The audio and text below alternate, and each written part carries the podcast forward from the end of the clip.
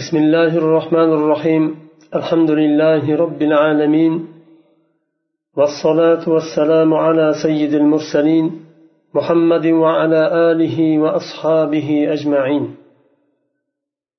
اللهم علمنا ما ينفعنا وانفعنا بما علمتنا وزدنا علما يا عليم. آية الأحكام haj va umraga taalluqli bo'lgan oyatlarni ahkomlarida to'xtagandik. Al hukm al avval هل العمرة واجبة كالحج؟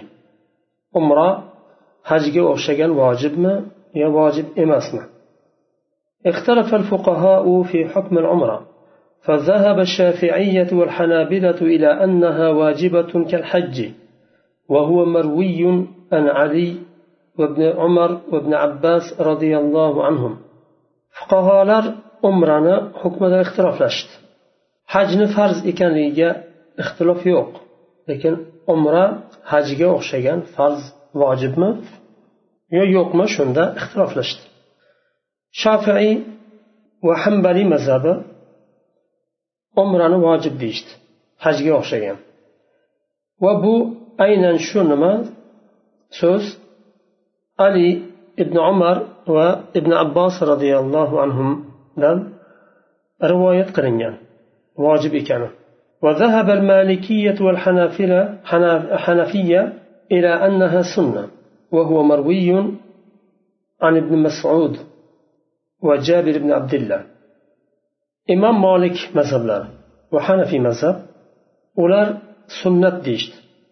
وبالسنة السنة ديجن قول عبد الله بن مسعود رضي الله عنه وجابر بن عبد الله رواية خنية أدلة الشافعية والحنابلة. إمام شافعي وحنبلي مذهب لاردا ولارنا دليل لارا استدل الشافعية والحنابلة على مذهبهم ببضعة أدلة نوجزها فيما يلي. shofiiy va hambaliy mazhablari o'zlarini mazhablarida ya'ni vojib dedilar shunda vojib ekaniga bir nechta dalil keltirdilar أولا قوله تعالى وأتموا الحج والعمرة لله فقد أمرت الآية بالإتمام وهو فعل الشيء والإتيان به كاملا تاما فدل على الوجوب birinchi dalil alloh taolo haj va umrani komil qilinglar alloh uchun komil qilinglar deb buyurdi bu oyat kalima komil qilishga buyurdi bu fe'lni ishni va bir narsani komil qilishlikka buyurish uni e, mukammal bir tarzda keltirish qilishga dalolat qiladi. Bu narsa bu ishni vojib ekaniga dalolat qiladi. Alloh taolo komil qilinglar deb buyurdimi? Demak umra ham hajga o'xshagan vojib deyishdi ikkinchi dalillari anhu sollallohu alayhi vasallam fi sahih أنه قال لأصحابه من كان معه هدي فليهل, فليهل بحجة وعمرة hadisda sahih hadisda rasululloh sollallohu alayhi vasallam ashoblariga buyurdilar kim kimni o'zi bilan qurbonligi jonlig'i bo'lsa uni haj va umra uchun so'ysin deb buyurdilar haj va umra ikkalasi birga keldi ثالثا ما روي عنه صلى الله عليه وسلم أنه قال دخلت العمرة في الحج إلى يوم القيامة رسول الله صلى الله عليه وسلم aytdilar umra hajga kirdi qiyomatgacha ya'ni ikkalasini birga qilishlik joiz shu dalillarni dalil qilishdi va umrani ham hajga o'xshagan vojib deyishdi endi molikiy va hanafiy mazhabini dalillari واستدل المالكية والحنفية على أن العمرة سنة بما يلي مالكي وحنفي مذهبلari umrani sunnat ekaniga quyidagi dalillarni keltirishdi avvalan adamu ذكر العملة في الآيات التي دلت على فريضة الحج مثل قوله تعالى ولله على الناس حج البيت وقوله جل ثناؤه وأذن في الناس بالحج بل إن الله تعالى حجنا فرض إكانيك dalolat qiladigan oyatlarni nozil qilganda u oyatlarda umrani zikr qilmadi odamlarni alloh uchun odamlarni ustidagi vojib bo'lgan narsa baytni allohni baytini haj qilish. Bu oyat hajni farz ekanligi dalolat qiladi. Ibrohim alayhissalomga alloh taolo buyurdi. Odamlarga hajni e'lon qiling dedi bu ham hajni farz ekaniga dalolat qiladi lekin bu oyatlarda umra zikr qilinmadi ثانيا قالوا إن الأحاديث الصحيحة التي بينت قواعد الإسلام لم يرد فيها ذكر العمرة فدل ذلك على أن العمرة ليست بفريضة وأنها تختلف في الحكم عن الحج ikkinchi dalillari sahih hadislarda bayon qilindi islomni qoidalari bayon qilindi arkonlari unda haj zikr qilingan masalan e, islomni arkonlari u yerda iymon namoz e, haj zakot bular bor lekin umra yo'q. Bu narsa dalolat qilinadi qiladiki ya'ni umrani shu hadislarda zikr qilinmasligi uni farz emasligiga dalolat qiladi. hajni zikr qilganda farz ekanini islomni rukunlaridan ekanini zikr qilinganda umra keltirilmasligi haj bilan nimani umrani o'rtasida hukmda farq bor ekanini bildiradi ثالثا ما روي عن النبي صلى الله عليه وسلم أنه قال الحج جهاد والعمرة تطوع hadisda rasululloh sollallohu alayhi vasallam aytadilar haj jihoddir umra tatavvu nafl narsani tatavvu deyiladi tatavvu ibodatni istasa qiladi istamasa qilmaydi istasa qiladi va savob oladi istamasa qilmaydi gunoh bo'lmaydi qilmasa buni tatavvu deydi رابعا ما روي عن جابر بن عبد الله أن رجلا سأل رسول الله صلى الله عليه وسلم عن العمرة أواجبة هي قال لا وأن تعتمروا خير لكم جابر بن عبد الله رضي الله عنه rivoyat qilinadilar rivoyat qiladilar bir kishi rasululloh sollallohu alayhi vasallamni yonlariga kelib umra umra vojibmi deb so'raydi shunda yo'q deydilar lekin umra qilishlaring sizlar uchun yaxshi deydilar. Umra qilishga undadilar lekin vojib ekanini inkor qildilar hadisda ba'zi nimalar e, zaif deyishgan bu hadisni chunki sanadida hajjoj ibn artoh bor. U nimani muhaddislarni ittifoqi bilan hajjoj ibn arto zaif nima roviy rivoyati olinmaydi خامسا وأجابوا عن الآية والأحاديث التي استدل بها الشافعية فقالوا إنها محمولة على ما كان بعد الشروع. فإن التعبير بالإتمام مشعر بأنه كان قد شرع فيه وهذا يجب بالاتفاق. dalillari shofiiy va hambaliy mazhablari oyatni keltirdi. Va atimmul hajji val umrata lillah. Komil qilishga buyurdi alloh taolo. Haj va umrani bu narsa atimmu degandan tushuniladi. Boshlagan kishiga buyurilyapti. Hajni umrani boshlagandan keyin ehromni kiygandan keyin uni oxiriga yetkazib komil qilishlik vojib ekaniga dalolat qiladi deydilar. boshlagandan keyin ehromga kirgandan keyin oxirigacha tugatish komil qilish bu ittifoqan hamma mazhablarda ittifoqan bu vojib umrani sunnat deydiganlar molikiy va hanafiy mazhabi ham boshlagandan keyin vojibga aylanadi deyishadi قال علامة الشوكاني وهذا وإن كان فيه بعد لكنه يجب المصير إليه جمعا بين الأدلة ولا سيما بعد تصريحه صلى الله عليه وسلم بما تقدم في حديث جابر, جابر من عدم الوجوب. وعلى هذا يحمل ما ورد مما فيه دلالة على وجوبها.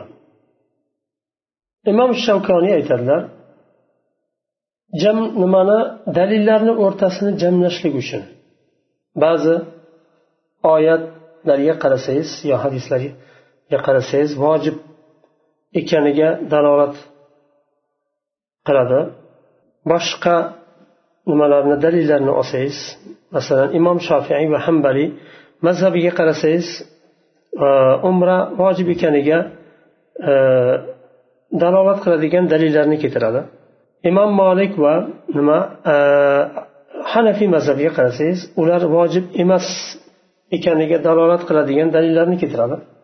Ikkalasi bir biriga qarama qarshi bo'lib qolishi mumkin emas. Islom islomda qarama qarshilik yo'q.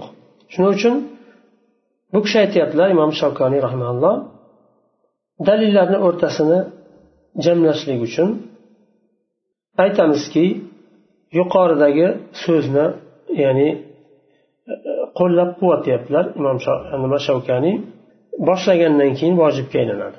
Degan so'zni. Xosatan jabir ibn abdulloh roziyallohu anhuni hadislari rivoyat qilgan u kishi rivoyat qilgan hadis vojib emasligiga dalolat qiladi. Shunday ekan demak e, umrani vojib demaymiz va boshlagandan keyin vojibga aylanadi deyilsa hamma dalillarni jamlagan bo'lamiz degan mazmunda aytganlar imom shavkaniy aqul muallif rahimaulloh aytyaptilar لعل هذا الرأي يكون أرجح والله تعالى أعلم. shu nima mazhab shu fikr rojihroq bo'lsa kerak vallohu alam deyaptilar الحكم الثاني هل الإحصار يشمل المرض والعدو؟ الله تعالى فإن أحصرتم فما استيسر من فما استيسر من الهدي hadiy nimani? Oyatda agar ehsor qilinsanglar yo'lda to'silsanglar muyassar bo'lgan nimani? Jonlarni so'yinglar deb buyurdi. Ehsor to'silishlik hajdan va umradan to'silishlik. Bu to'silishlik dushmannigina dushman sababli to'silishlikni o'zini ichiga oladimi? Faqat yoyinki boshqa sabablar bilan to'silganlar ham shuni ichiga kiradimi kasallik bilan yo molini o'g'irlatib qo'ydi yo yo'lda adashdi boshqa tarafga ketdi hajni vaqti chiqib ketdi masalan shunga o'xshagan boshqa sabablar ham shuni ichiga kiradimi yo kirmaydimi اختلف العلماء في السبب الذي يكون به الإحصار والذي يبيح للمحرم التحلل من الإحرام olimlar ixtiroflashishdi ihsorni sababida. Ihsorni sababi faqat dushman sababli to'silishi kerakmi shartmi yo boshqa sabablar ham kiradimi? Faqatgina dushman to'ssa yo'ldan shu sababgina ehromdan chiqishga izn beradimi yoyinki boshqa sabablar bilan to'silib qolsa ham e, ehromdan chiqib biladimi فذهب الجمهور مالك والشافعي وأحمد إلى أن الإحصار لا يكون إلا بالعدو لأن الآية نزلت في إحصار النبي صلى الله عليه وسلم عام الحديبية عندما منع من دخول مكة وهو وأصحابه وكانوا محرمين بالعمرة. جمهور مذهبلر مالكي شافعي وحنبلي مذهبلر ehsor faqatgina dushman bilan to'silsagina bo'ladi. Chunki oyatda rasululloh sollallohu alayhi vasallam makkadan to'silganlarida bu oyat nozil bo'lgan edi. Makkadan to'silganlarida umra uchun sahobalar bilan umra qilishga ketayotganlarida hudaybiya yilida dushman tarafidan to'sildilar. وقال ابن عباس لا حصر إلا حصر العدو عبد الله بن عباس رضي الله عنه aytadilar hasr bo'lmaydi faqatgina dushman bilangina bo'ladi deydilar demak boshqasi kirmaydi kasal bo'lib yo'lda qolib ketsa bunga kirmaydi degan mazmun وذهب أبو حنيفة رحمه الله إلى أن الإحصار يكون من كل حابس يحبس الحاج عن البيت من عدو أو مرض أو خوف أو ذهاب من نفقة أو ضلالة راحلة أو مي مي موت محرم الزوجة في الطريق وغير ذلك من الأعذار المانعة إمام أبو حنيفة رحمه الله تعالى إحصار hajga baytullohni haj qilish uchun ketayotgan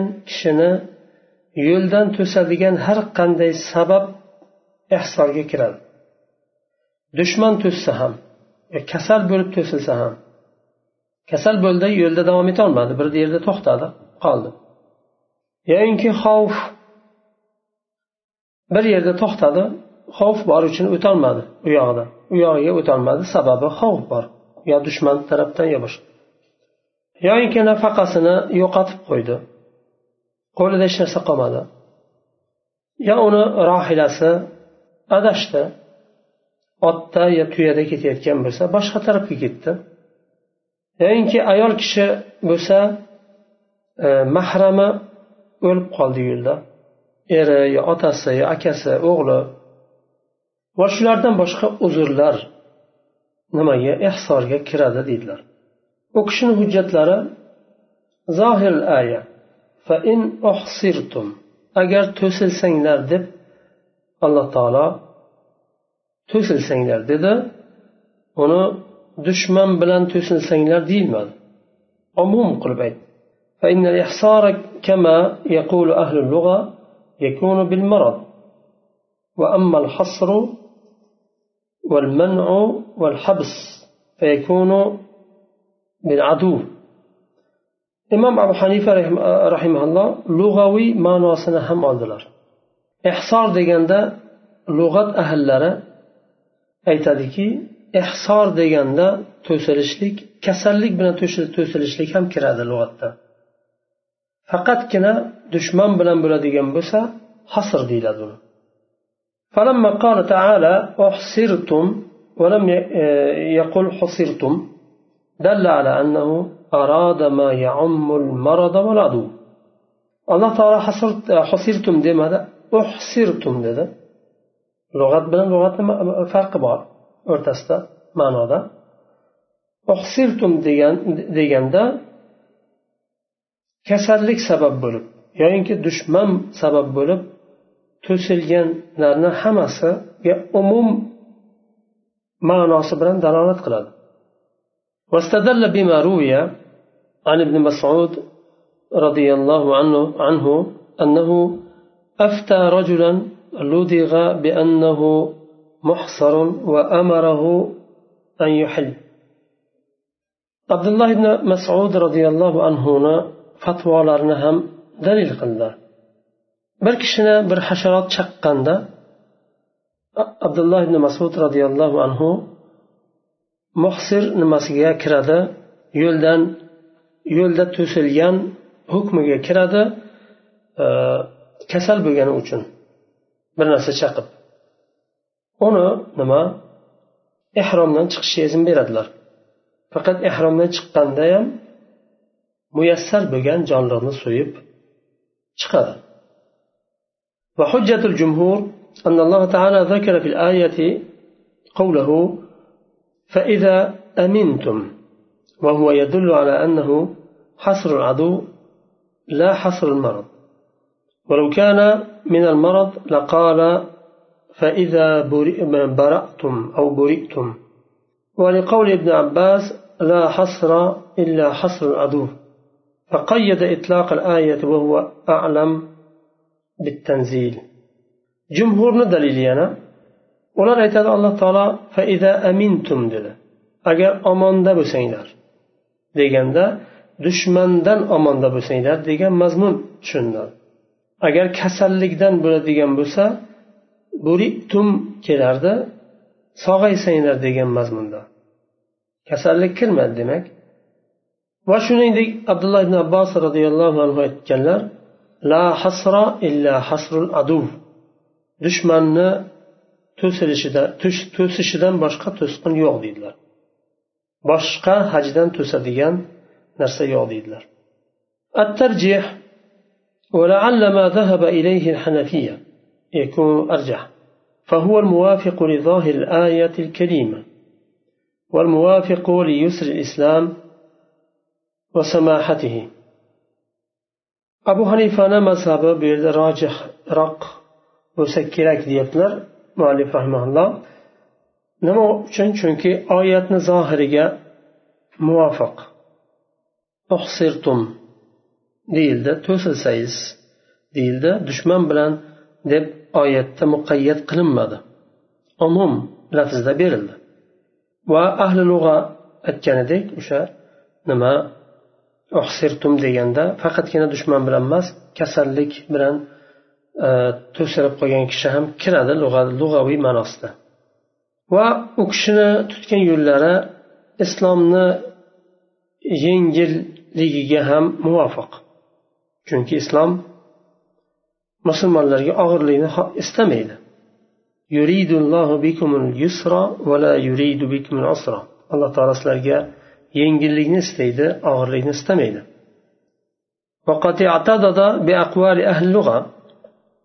lug'at ahllarini ham so'zlari bilan dalilni kuchaytirdi فإنهم جميعا متفقون على أن الإحصار يكون بالمرض والحصر يكون بالعدو أهل اللغة اتفاق قلشتا إحصار deganda dushman bilan va kasallik bilan to'silishlik tushuniladi hasr deganda faqat dushman bilan to'silishlik tushuniladi va oyat karimada ihsor keldi والآية بظاهرها تميل إلى التيسير oyatni zohiri yengillikka moyil ekani ko'rinib turadi فإن المريض الذي يشتد مرضه كيف يمكنه إتمام المناسك kasali og'ir bo'lgan yo'lda kasallandi va og'ir kasalga chalindi bir kishi qanday u o'zini mansaklarini ibodatlarini haj va umra ibodatini komil qilib biladi oxirigacha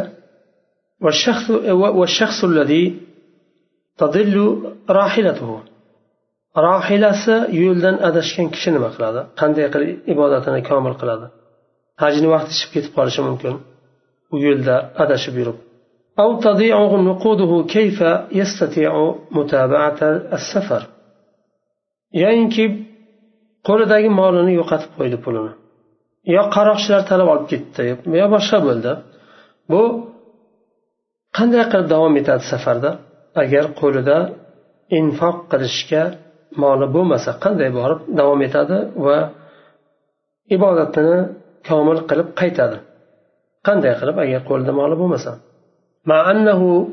لم يعد يملك نفقة ولا زادا na nafaqasi qoldi na uni o'zi bilan suvi yo oziq ovqat qoldi وهل يكلفه الإسلام أن يستجدي من الناس islom nimaga buyuradi u kishini odamlardan so'rashgami buyuradi davom etishga masalan nafaqasi qolmadi na oziq ovqat hech narsasi qolmadi odamlardan so'rab davom eting demaydi islom demoqchi bo'lyaptilar وهذا الذي رجحناه هو الذي اختاره الشيخ المفسرين ابن جرير الطبري رحمه الله حيث قال ما نصه biz tarjih qilgan rojih degan narsani nimani qovulni mufassirlarning shayxi ibn jarir ibn jarir tobariy rahimaulloh ham tarjih qildilar va aytdilarki وأولى التأويلين بالصواب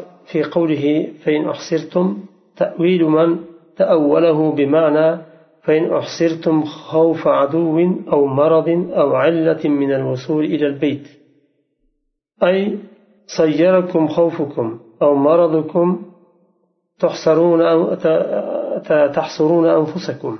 ولو كان معنى الآية ما ظنه المتأول متأول من قوله فإن أحصرتم فإن حبسكم حابس من العدو عن الوصول إلى البيت لوجب أن يكون فإن حصرتم إمام الطبري aytadilar rahimalloh to'g'riga yaqinroq bo'lgan tafsir in uhsirtum degan oyatni tafsirida bu oyatni umum qilib olganlarni tafsiri to'g'riga yaqinroq dedilar. Agar sizlar to'silsanglar dushman sababli kasallik sababli yoyinki baytullohga yetishdan sizlarni man qiladigan har qanday sabab bilan baytullohdan to'silsanglar degan tafsir to'g'rilikka yaqinroq dedilar. Ya'ni sizlarni dushmandan qo'rqishlaring yo kasalliklaring shu narsadan baytullohdan to'sib qo'ydi degan mazmun rojihroq va to'g'rilikka savobga yaqinroq dedilar. Agar oyat karimani ma'nosi dushman sababli to'silsanglar degan tafsirga e, nima qilinadigan bo'lsa tafsir qilinadigan bo'lsa faqatgina dushman bilan to'silsanglar degan tafsirni beriladigan bo'lsa fain husirtum degan so'z ishlasa yaqinroq bo'ladi. Ya'ni fain husirtum degan so'z ishlashi vojib edi deyaptilar. Nima uchun? Chunki e, yuqorida o'tgandek al hasr u nima? Dushman bilan to'silishlik ihsor har qanday nima bilan sabab bilan to'silishlikni bildiradi أقول ما يؤيده ما روي في الصحيحين. عن عائشة رضي الله عنها قالت دخل النبي صلى الله عليه وسلم على ضباب على ضباعة بنت الزبير ابن عبد المطلب فقالت يا رسول الله إني أريد الحج وأنا شاكية. فقال النبي صلى الله عليه وسلم حجي واشترطي أن محلي حيث حبستني. فقد دل على أن المرض من الأسباب المبيحة للتحلل وهذا ما يتفق مع سماحة الإسلام ويسر أحكامه. صحيح عند بخاري مسلم دا oysha roziyallohu anhodan rivoyat qilingan hadisni ham dalil qilib keltiryaptilar rasululloh sollallohu alayhi vasallam duboa binti zubayr ibn abdul muttalibni yonlariga kiradilar. Va u kishi aytadilar ya rasululloh men haj qilmoqchiman lekin holimdan sog'ligimdan shikoyatim bor. Ya'ni yo'lda kasal qolsam nima qilaman? degan. O'zlari kasallar lekin yo'lda og'irlashib qolsa kasalim nima qilaman degan mazmunda. Shunda rasululloh sollallohu alayhi vasallam aytdilar haj hajni qiling va shart qo'yib qiling. Ya'ni niyat qilganda shart bilan niyat qilinadi. Anna mahalli haythu habasatni. Av habastani. Bu ehromdan chiqadigan yerim qayerda man to'silsam deb shart qo'ying dedilar. Niyatda. Kasallik sabab bilan yo'lda to'silinadigan bo'lsa hajdan demak o'sha yerda ehromdan chiqishga haqqi bo'ladi chunki niyat qilganda shart bilan niyat qildi. Agar yetib borolmasa kasal bo'ldi boshqa bir sabab bilan yo'ldan to'sildi u holda ehromdan chiqishga haqqi bo'ladi. Va bu hadis dalolat qiladi kasallik ehromdan chiqishni muboh qiladigan sabablardan ekanligiga dalolat qiladi. Va bu islomni yengillik istashiga musulmonlarga og'irlik istamasligiga dalolat qilgan bir nima e, va shuni shunga to'g'ri keladigan dalil bu. Demakki yuqoridagi oyatdan ham tushunamizki faqatgina dushman emas balki boshqa sabablar bilan baytullohdan to'silib qolgan kishi ehromdan chiqishi mumkin muboh bo'ladi. Shu yerda to'xtaymiz kelasi darsdan uchinchi bilan davom etamiz. Bihamdik. Ashhadu an la ilaha illa ant astag'firuka va atubu ilayk.